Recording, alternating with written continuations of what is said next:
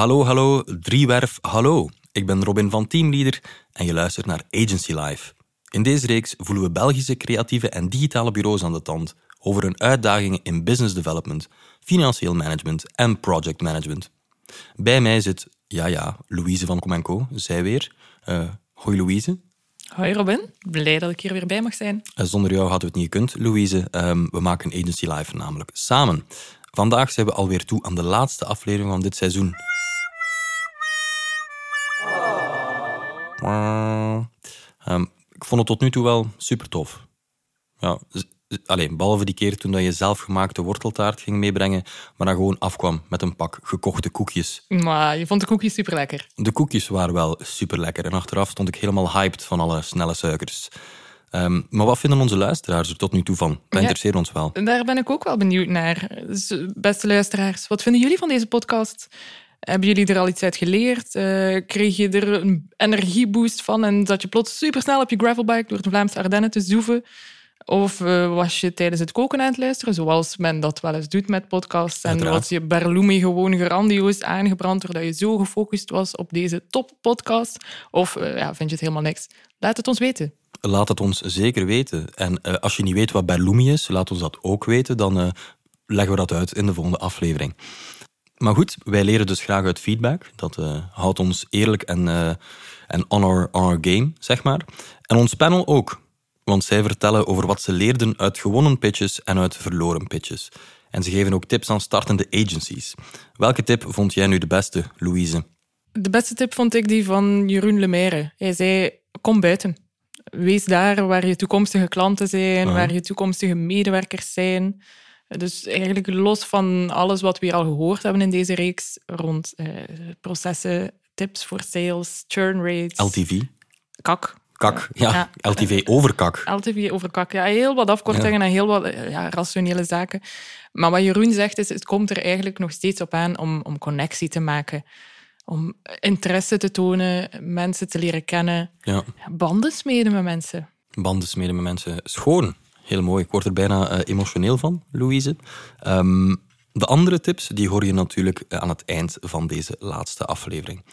Uh, maar eerst, zoals steeds, de stelling van de dag. In het begin kan je mooi groeien op reputatie en heb je geen pitches nodig. Als eerste aan het woord is Ilse de Smet van Com Co.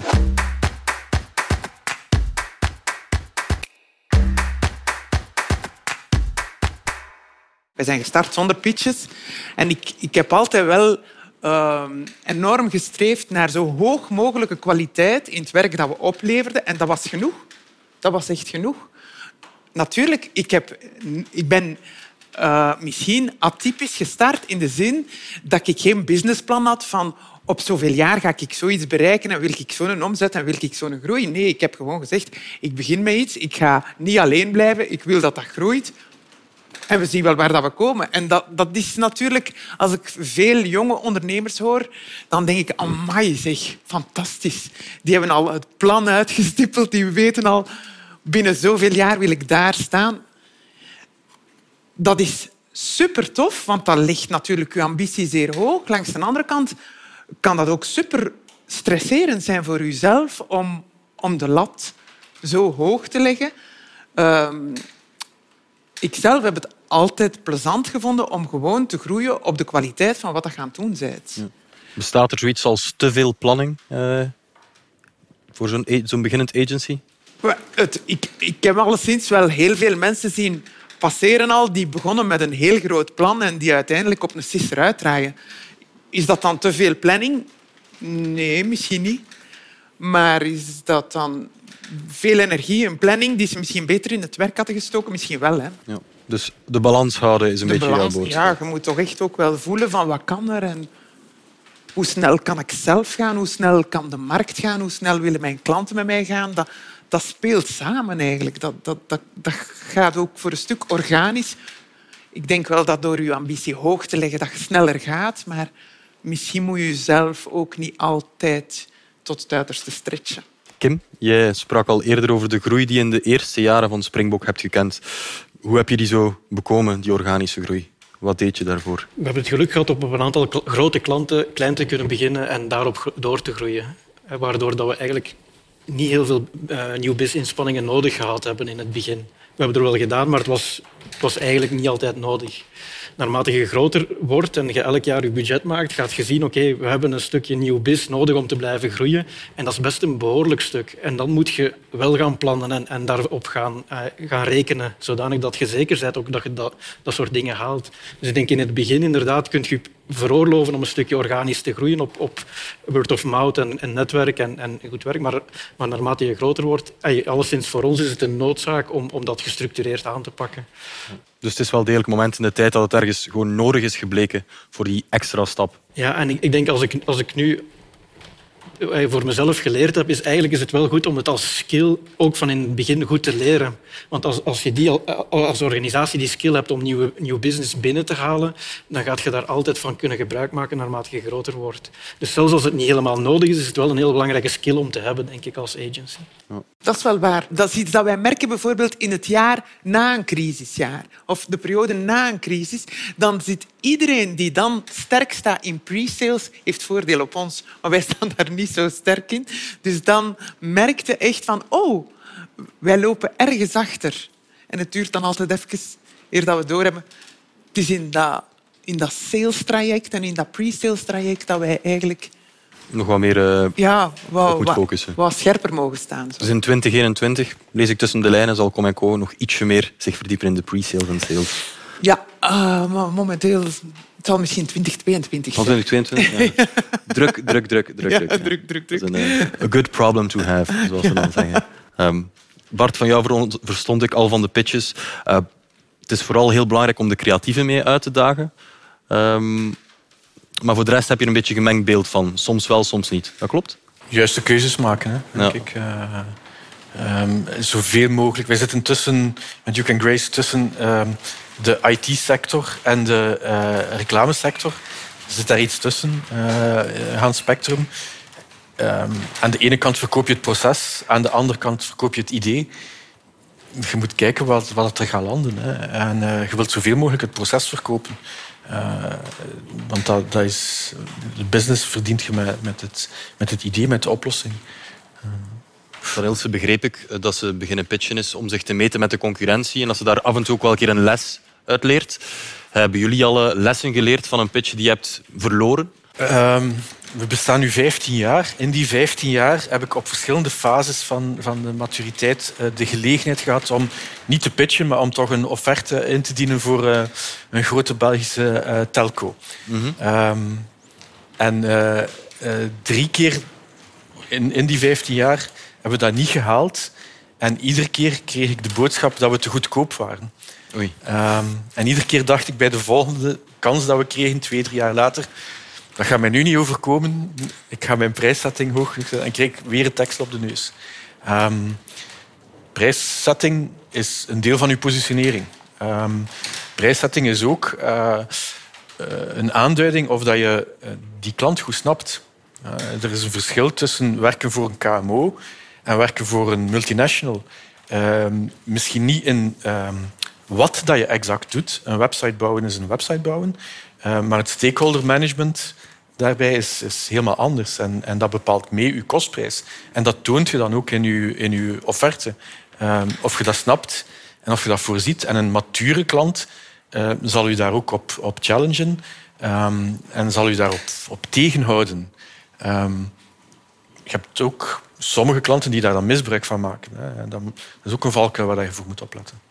Uh, Jeroen, welke lessen heb jij zo getrokken uit verloren pitches? Ja, ik weet niet uit verloren. Ik denk uit verloren en uit gewonnen uh, pitches, denk ik, uh, dat we geleerd hebben. Het klinkt misschien een beetje melig, maar uh, wees jezelf. Hè. Ehm, je, moet, je moet echt uitgaan van je eigen kracht. je moet een heel authentiek, heel eerlijk beeld ophangen van welk bedrijf hè, dat, dat met hen aan tafel zit. Waar ben je goed in, waar ben je niet zo uh, goed in? Wat is je core business? Waar zie je risico's in de samenwerking?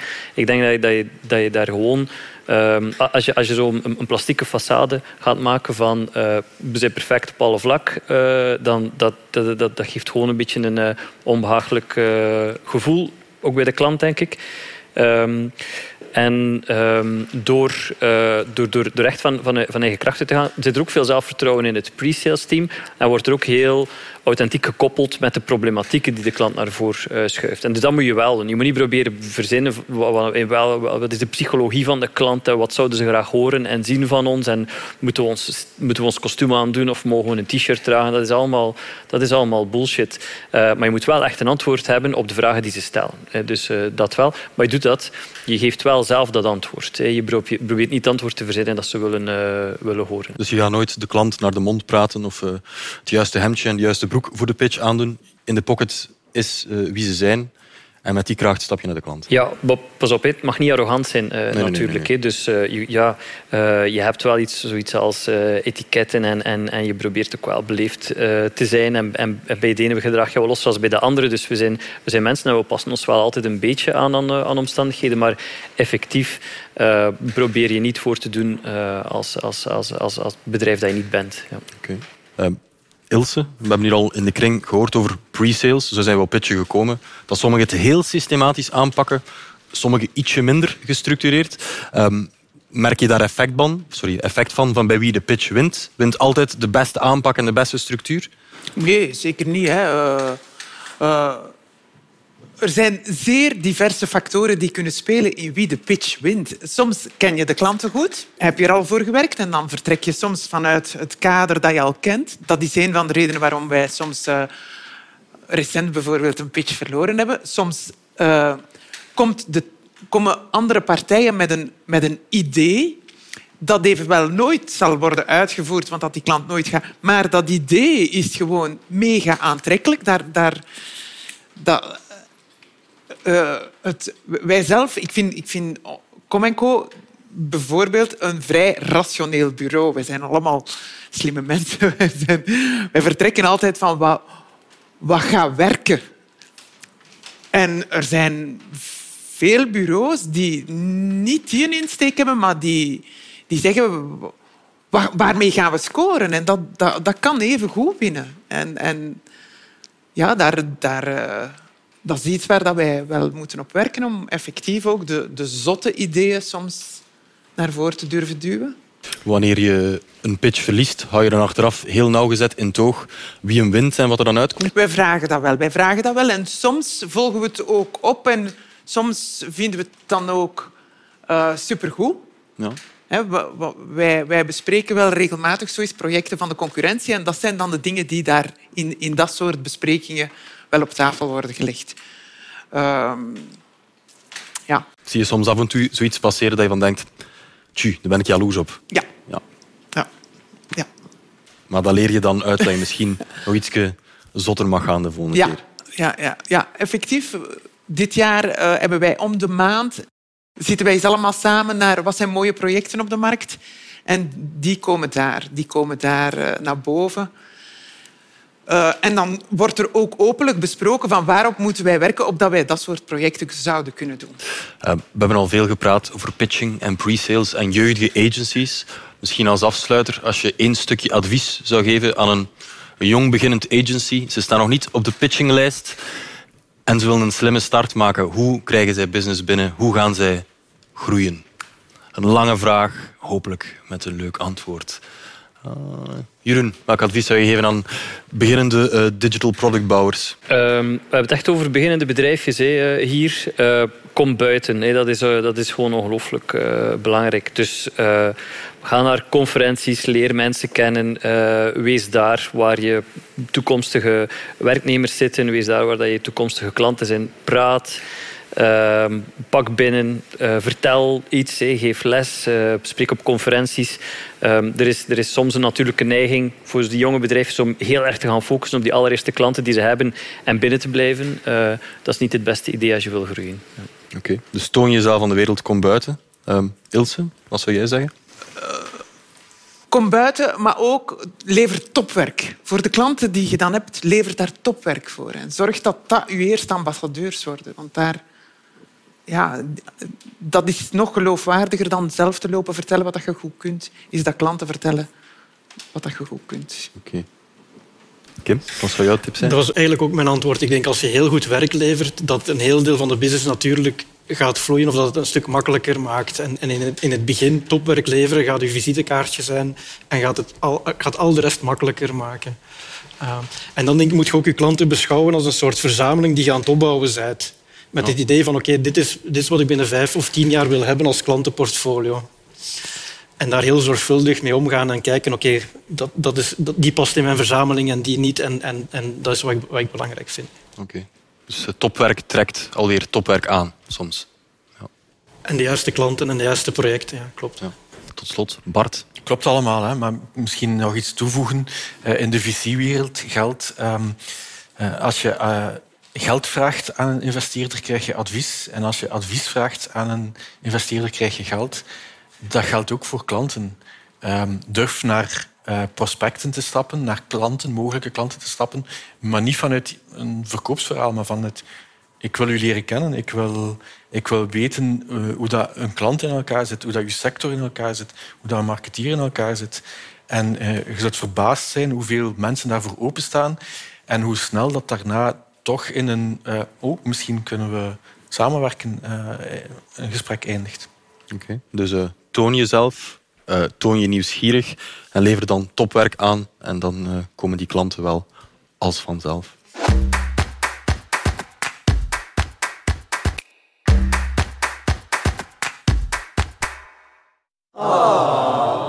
De jingle ligt niet. Het zit er nu echt op, Louise. Ja, of toch niet helemaal, want we blijven natuurlijk doorgaan met Agency Live. Yes. We spreken met Nederlandse agencies, met Franse agencies. We debatteren ook met jonge wolven in het agencylandschap. Oeh, in de toonaangevende spin-off, The Young Ones. The Young Ones, inderdaad. Een referentie die ik overigens niet snapte. Ja, niemand snapt hem. Je moet blijkbaar echt oud zijn om die te snappen. Iets ja. wat ik niet ben. Uh, al die content staat op uh, agencylife.be.nl en .fr. Inderdaad. Um, en misschien zijn we binnenkort wel terug met een nieuw podcastseizoen podcastseizoen. Zeg dan maar eens vijf keer na elkaar. Podcastseizoen, podcastseizoen, podcastseizoen, podcastseizoen. Podcastseizoen. Dat is totaal niet zo moeilijk, Louise. Volgende keer moet je een moeilijker woord uh, Ik had uitkiezen. de indruk dat je het tellen tot vijf moeilijker vond dan podcastseizoen uitspreken. Ja, ik ben mathematisch compleet achtergesteld. Uh, maar goed, um, we hebben dus weer iets om naar uit te kijken in een volgend seizoen. Namelijk het uh, moeilijke woord van het seizoen. Louise, het was een intens genoegen om jou erbij te hebben. Right back at you, Robin. En bedankt ook aan jullie, onze trouwe luisteraars, via jullie favoriete medium. Um, en onthoud, als we samen de taart groter maken, krijgen we allemaal een groter stuk. En als je aan Louise vraagt om taart mee te brengen, dan stelt ze keer op keer teleur. Um, tot ziens, tot dra, doei, dag. Veilig thuis. Veilig thuis.